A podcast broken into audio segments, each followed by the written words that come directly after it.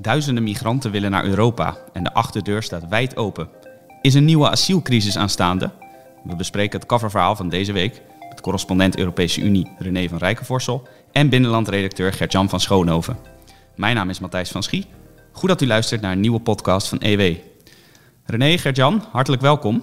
Op de cover van de nieuwe EW zien we een grote menigte migranten staan die aan de overkant uh, wordt opgewacht door een groepje militairen. René, om met jou te beginnen, wat zien we hier en waar is het?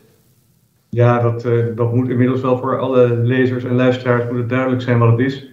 Dat zijn uh, vooral jonge mensen, jonge mannen uit, landen als Irak, uit Afghanistan, uit Syrië, uit, misschien ook wel uit, uit Somalië. En die zijn allemaal met het vliegtuig gehaald door Alexander Lukashenko en vanaf Minsk met bussen naar de grens met Polen gecommandeerd om daar voor onrust te zorgen. Ja, jij schreef het hoofdcommentaar van deze week met de kop die er niet om logo. Waar is de EU als je haar nodig hebt? Schreef je. Jij stelt de vraag. Heb je er ook een antwoord op? Dit is nog een retorische vraag natuurlijk. Dat is, de EU zijn geen velden of wegen te bekennen in dit, in dit hele doel. En dat komt eigenlijk doordat er na 2015 heeft heeft de EU natuurlijk wel die Turkije-deal gesloten. En die heeft toen de, tijdelijk de druk op de Europese buitengrenzen van, uh, van uh, illegale migranten weggenomen. Uh, maar en daarna is de EU aan de slag gegaan met het op, opstellen, de Europese Commissie, van een, van een document. Dat heet het Pact, het Asiel- en Migratiepact. En dat was in 2019 af. En dat moet nog steeds door, door de landen, door de lidstaten worden geaccordeerd. Een aantal van die lidstaten ligt dwars, waardoor er nog geen pact is. En dat pact voorzag eigenlijk in twee belangrijke eh, elementen. Dat je om asiel aan te vragen in Europa eerst al door een soort screening heen, moet. Dan kan je bijvoorbeeld voorstellen dat je een soort online screening eerst doet. Voordat je überhaupt kans hebt als je in Europa aankomt om in de asielprocedure te komen. En een tweede was dat er toch wel een wat eerste verdeling over de, over de lidstaten zou zijn van de, van de asielzoekers. Want zoals je weet zijn er, uh, zijn er lidstaten die heel weinig uh, asielzoekers binnenkrijgen. Denk aan een land als op, opnemen. Denk aan een land als Hongarije. Denk ook aan Polen. En je hebt natuurlijk landen die, die, die het merendeel te verwerken krijgen. Ja, je dus, noemt net de, de Turkije-deal van 2015 die de, nou ja, een soort oplossing bood voor de vorige migratiecrisis. Is de huidige migratiecrisis eigenlijk te vergelijken met, met deze situatie? Nou, nog niet in aantallen, want toen kwamen er echt honderdduizenden kwamen in grote kolonnes naar, naar, naar Europa gelopen en getraind. Uh, dat, was, dat was echt uh, nog veel meer dan wat er nu, die paar duizend die er nu aan de andere kant van de, Poolse en vergeet ook niet de Litouwse grens uh, zitten en proberen in die landen binnen te komen. Dus in aantallen valt het nog wel mee. Maar de, beelden, de beeldrijming is er wel degelijk. Het, het, zit echt wel heel erg van 2015 all over again. Dat gevoel heb je wel heel erg. Nog even een laatste vraag over de, over de situatie die wij eh, op de cover hebben gezet. Uh, die migranten die staan dus aan de grens tussen Polen en Wit-Rusland. Waarom staan ze nou juist daar? Is dat een logische plek om binnen te komen voor migranten? Nou, die uh, migranten die hebben maar één doel. Dat is naar een land als Duitsland of Nederland gaan. Landen waar ze soms wel familie hebben zitten. Landen waar ze weten dat de procedures vrij soepel zijn. Landen waarvan ze weten dat er mooie uitkeringen op ze wachten straks. Uh, dus ja, dus via Polen is dan wel vanaf Wit-Rusland, zou ik zeggen, de kortste weg. Dat, uh, dus dat is wel vrij logisch. Als ze eerst naar Litouwen gaan, moeten ze ook de, de, grens van Litouwen en Polen moeten ze ook weer passeren. Dus dat is een, ja, ik begrijp wel dat ze daar naar binnen willen. Als u nou meer wilt weten over hoe de situatie daar is op de grens tussen Polen en Wit-Rusland, dan kunt u in de nieuwe EW het coververhaal dus lezen. Een ontluisterende reportage van Rob Zavelberg, onze correspondent in Duitsland. Hij sprak daar ook met migranten die dus, zoals René al zegt, hun zinnen hebben gezet op asiel in Duitsland. Maar ook in Nederland. Gert-Jan, jij volgt de immigratie- en asielkwestie al heel lang voor EW. Je hebt er al ontzettend veel artikelen over geschreven. En voor het huidige nummer verzamelde jij samen met René een aantal cijfers, feiten en maakte je grafieken over de asielzoekers in Nederland. Uit welke landen komen die vooral? Ja, dat zijn, dat zijn eigenlijk grote lijnen de groepen die uh, René net ook al noemde. Dus dat zijn uh, volgens mij in hoofdmoot nog steeds uh, Syrische asielzoekers. Maar ook veel Afghanen, maar ook nog een grote Turkse groep bijvoorbeeld. Um, maar staat eigenlijk los van deze hele kwestie in, in, in Polen. Hè. Dus de, ik wil natuurlijk niet meteen onze eigen coverkreet afvallen, maar, ehm, maar die poort staat natuurlijk niet, die staat misschien wel een beetje open, maar de Polen weren zich kranig volgens mij toch nog steeds. En de aantallen die, die naar Nederland komen, die worden volgens het laatste wat ik dan zag geraamd op enkele honderden. Um, althans, dat, dat is wat zich nu, uh, nu aftekent. Dus dat daar sprake is van een, van een heel cynisch spel met mensen, dat is natuurlijk zeker. En dat daar, dat daar ook een, zeker een, destabiliserende uh, dreiging vanuit gaat, zoals in 2015 ook toen is er volgens mij ook vanuit NAVO-kringen, maar René weet het waarschijnlijk ook wel, ook uh, vanuit door de Amerikanen gewaarschuwd hè, voor het doelbewust de, destabiliserende spel van, door, de, door de Russen met, uh, met uh, vluchtelingen. Dus dat zou, in die zin is het zeker dreigend wat er nu, wat er nu gaande is. Maar de druk die er is op, op de AZC's in Nederland, die is er eigenlijk al los. Die was er al voordat deze problemen zich, zich voordeden. dus je moet je, je moet je voorstellen dat. Um, tot, eh, tot corona hadden we in Nederland een, een, een, een, netto migratiesaldo van ongeveer 100.000 mensen per jaar. Nou, asiel is daar een factor in. Um, maar zeker niet de grootste factor. Ik bedoel, we hebben, we, hebben ook, we hebben ook bijvoorbeeld studenten die hier, die hier naartoe komen en gestimuleerd, gestimuleerd worden hier naartoe te komen. We hebben natuurlijk een hele grote uh, Europese arbeidsmigratie.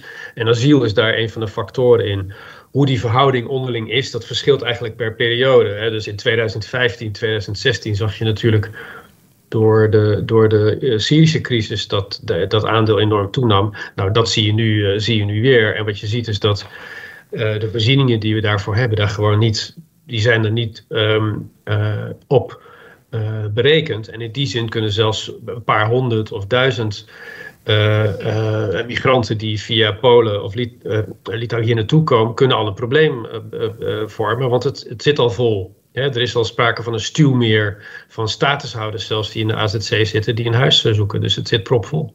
Ja, precies. Jij zegt al, het gaat in absolute aantallen misschien nog niet om enorme hoeveelheden mensen, maar uh, wat we de afgelopen uh, maanden, met name in augustus en september, hebben gezien, is dat heel veel gemeenten natuurlijk uh, alarm sloegen dat ze geen plek meer hadden voor die asielzoekers. Heb jij het idee dat er vanuit Politiek Den Haag goed op wordt geanticipeerd momenteel? Dat als die aantallen straks echt hoger worden, dat ze dan wel een oplossing hebben?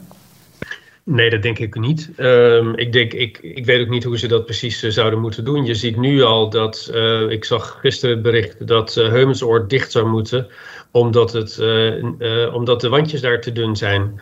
Kijk, dan wordt het natuurlijk wel heel lastig om, om met noodvoorzieningen uh, hier, hier, hier paraat te, te staan. Hè? Dus, dus als de eisen ook heel hoog gaan worden aan de opvanglocaties, dan wordt het voor Den Haag zeker moeilijk om, om, om goede voorzieningen te treffen. Want ja, de nood is aan de man. Hè? En, en, en die is aan de man omdat, omdat de aantallen groeien. Maar die nood is ook aan de man omdat gemeenten,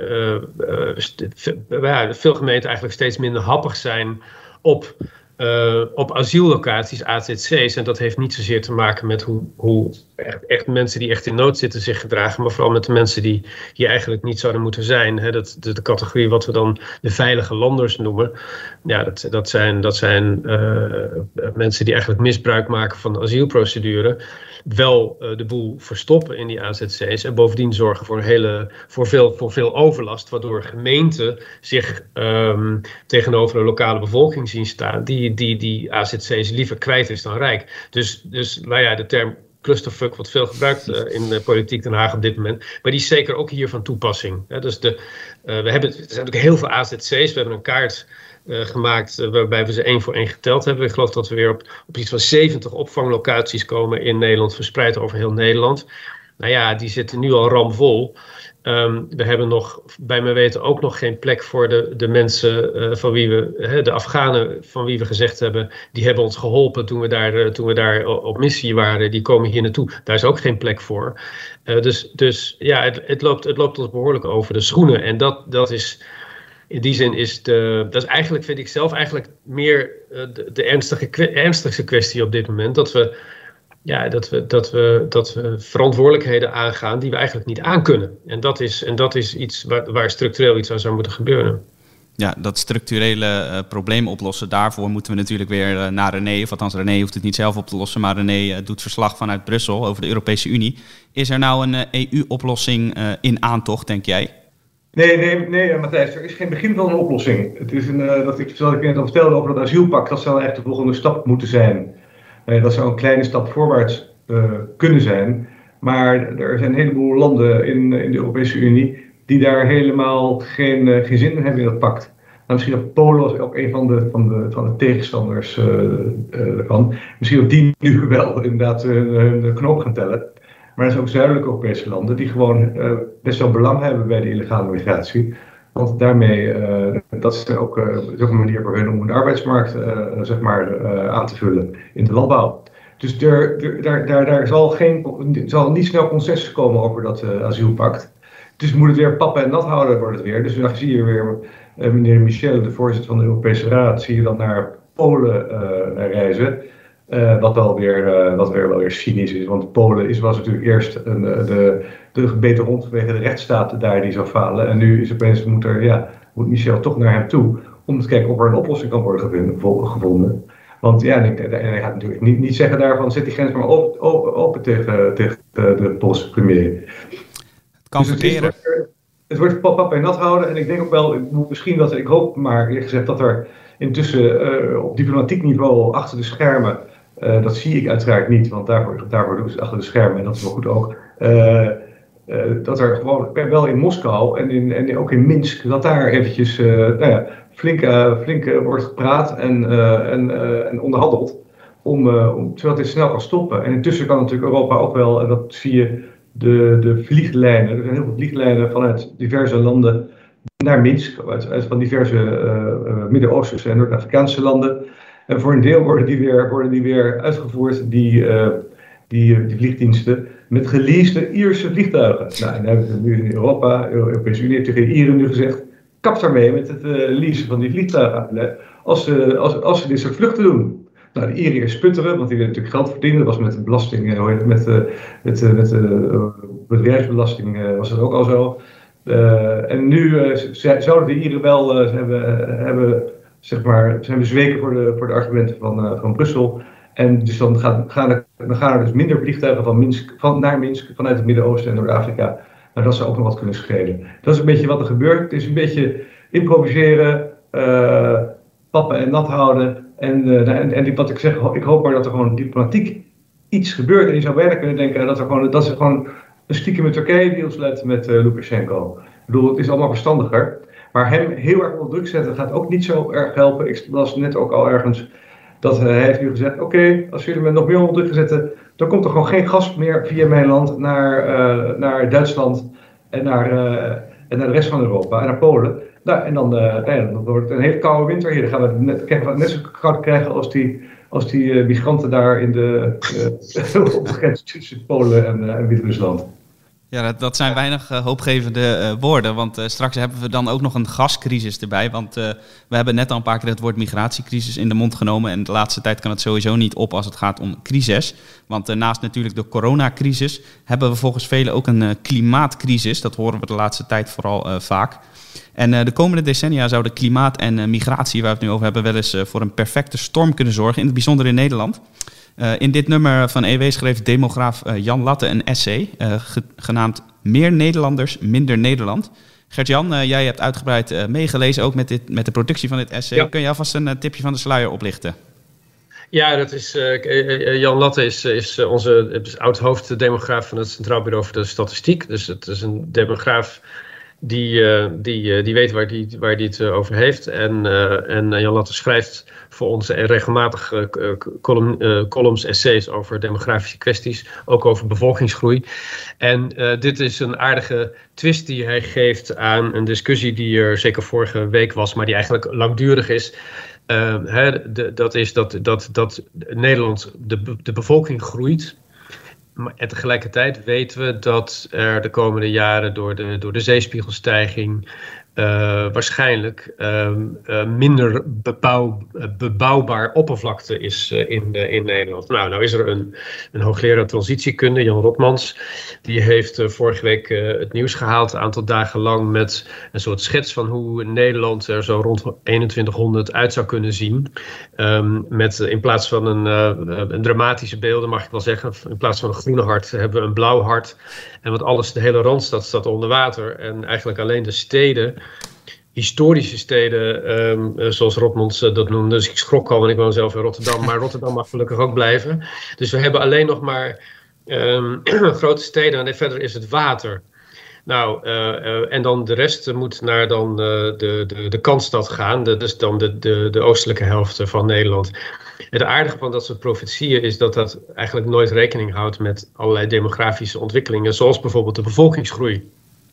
Want alle prognoses wijzen erop dat Nederland eh, de komende 50 jaar uh, uh, naar 22 tot misschien wel 24 miljoen mensen groeit bij de huidige aantallen. Hè. Dus er komen per saldo, wat we net al zeiden, iets van 100.000 mensen per jaar bij. Per decennium is dat dus een miljoen. En we krijgen, nou we krijgen zo weinig kinderen als Nederlanders. Dus, dus waar komt dat dan vooral vandaan? Nou ja, nee, dat is voor een belangrijk deel. Uh, dat bestaat voor ongeveer 80% uit immigratie en, en 20% uit, uh, uit, uh, uit natuurlijke ja, kindertjes, zou ik maar zeggen. Um, nou ja, daar kun je best, je kunt daar bevolkingspolitiek op voeren. Maar het aardige is dat in die, in die profetieën, dat, ja, dus, dus dat, dat, dat het klimaatprobleem wordt opgelost, maar dan zonder te kijken naar bijvoorbeeld die bevolkingsgroei. Want, want ja, we, zitten nu al tegen, op, tegen de 18 miljoen mensen. Er komen er 4, 5, 6 miljoen uh, bij. Hoe wil je dat in hemelsnaam doen door de randstap, randstaprad in feite over te geven aan het water? Waar, waar gaan we al die mensen laten? Nou, Jan Latte um, uh, uh, prijst Rotmans voor zijn, voor zijn, voor zijn out-of-the-box denken, maar, maar vraagt zich in zijn stuk wel af hè, van waar al die mensen naartoe moeten. Want nog los van de natuurlijk, van de aanwas van de bevolking door immigratie, kun je ook verwachten dat er miljoenen mensen vanuit de Randstad naar de andere helft van Nederland zullen moeten, zullen moeten gaan. Nou, daar hoor je Rotmans niet over. En, um, want dat is allemaal veel te ingewikkeld. En, en Jan Latte uh, constateert dat en stelt, stelt vast dat je niet dit soort scenario's kan maken zonder het ook over de bevolkingsgroei te hebben. Ja. Dus de randstedelingen worden klimaatvluchtelingen straks, uh, Ja. Ja, ja, ja, Wij worden... In de archipel Nederland. Die Rotmans is natuurlijk aan het dwaallicht, hè? laten we dat niet vergeten. Die, uh, dus ik bedoel het wel leuk dat hij hem serieus neemt voor zijn essay. Maar die man die zit er natuurlijk volstrekt naast met al die, al die rare voorspellingen van hem. Ja, maar er is wel behoefte aan, um, er is wel behoefte aan, aan een beetje groot, aan een beetje visionair, visionair denken, zal ik maar zeggen. En, en dat zie je ook aan hoe, hoe, hoe, hoe uh, zo'n essay van hem, van, van Rotmans, een vlucht maakt door de hele media. Dus hè, van de Telegraaf tot de NRC tot aan, tot aan Buitenhof. Uh, worden er over dat soort uh, toekomstperspectieven wordt er over, over, over gepraat. Dus dat doet, dat doet, in die zin doet Rotmans dat goed. Hè? Dus hij, hij, hij, hij, hij haalt die discussie naar zich, naar zich toe met pakkende beelden. Um, alleen er zit een soort Kijk, bevolkingsgroei, dat is, dat is de, de, cognitieve dissonantie van elke discussie in Nederland. Het, het gaat als, het, als het gaat over de, het onderwijs dat we in de toekomst nodig hebben, de wegen die we in de toekomst nodig hebben, de, de, zorg die we nodig hebben, de woningen die we nodig hebben, de huizen die we nodig hebben in de toekomst. Het gaat nooit over een van de belangrijkste aanjagers van, al, van die bevolkingsgroei, namelijk de immigratie. En dat, is, en dat zie je elke keer weer. En, uh, en, uh, en nu weer, dus vandaar dat, uh, dat Jan Latte dat nog weer eens gezegd heeft. Gelukkig hebben we Jan Latte daarvoor. Uh, elke maand, zoals jij het al zei, verschijnt een, een groot essay van hem op onze website en dus ook geregeld in het weekblad. ook dit essay kunt u vinden via de link in de beschrijving van deze podcast of in het papieren nummer van EW dat vanaf nu in de winkel te vinden is. René Gertjan, we zijn aan het einde gekomen van deze podcast. En aan de luisteraars zeg ik dus nogmaals, als u eh, benieuwd bent geworden naar de achtergronden, opinies, feiten en cijfers over de dreigende asielcrisis, de asielcrisis in wording, dan kunt u uh, al die stukken lezen via de link in de beschrijving van deze podcast. En dus ook uh, de papieren versie kunt u in huis halen. En in die papieren versie kunt u nog meer lezen, namelijk een reconstructie van Gert-Jan van Schoonhoven over een opstand bij een van de grootste vrijwilligersorganisaties van Nederland. En een overzicht van hoe Italië de miljarden van het corona-herstelfonds wil gaan uitgeven. En dat is geschreven door onze Italië-correspondent Linda Otter. En dan maak ik tot slot met dat uh, corona-herstelfonds nog even een mooi bruggetje naar onze EU-podcastserie Bruxelles. Dat is met René van Rijkenvorsel, onze correspondent ter plaatse. En uh, die podcastserie kunt u, uh, net als al onze andere podcast, vinden op onze website ewmagazine.nl slash podcast. Vergeet ons voor de laatste updates ook niet te volgen via de sociale media. Dat kan via ewmagazine.nl. Nou heren, hele mond vol. Rest mij alleen nog om jullie uh, te bedanken voor jullie tijd. Nou, jammer dat het al voorbij is wel, maar goed. Ja, ja. ja voor de rest moeten de, moeten de luisteraars toch echt uh, EW gaan lezen, zich abonneren of het uh, nummer in huis halen. Wij moeten natuurlijk ook een brood op de plank. Heel goed. Ik snap het. Dankjewel Matthijs, dankjewel René. Ja, jullie ook bedankt. Hoi. Alle luisteraars ook bedankt en uh, graag tot de volgende keer.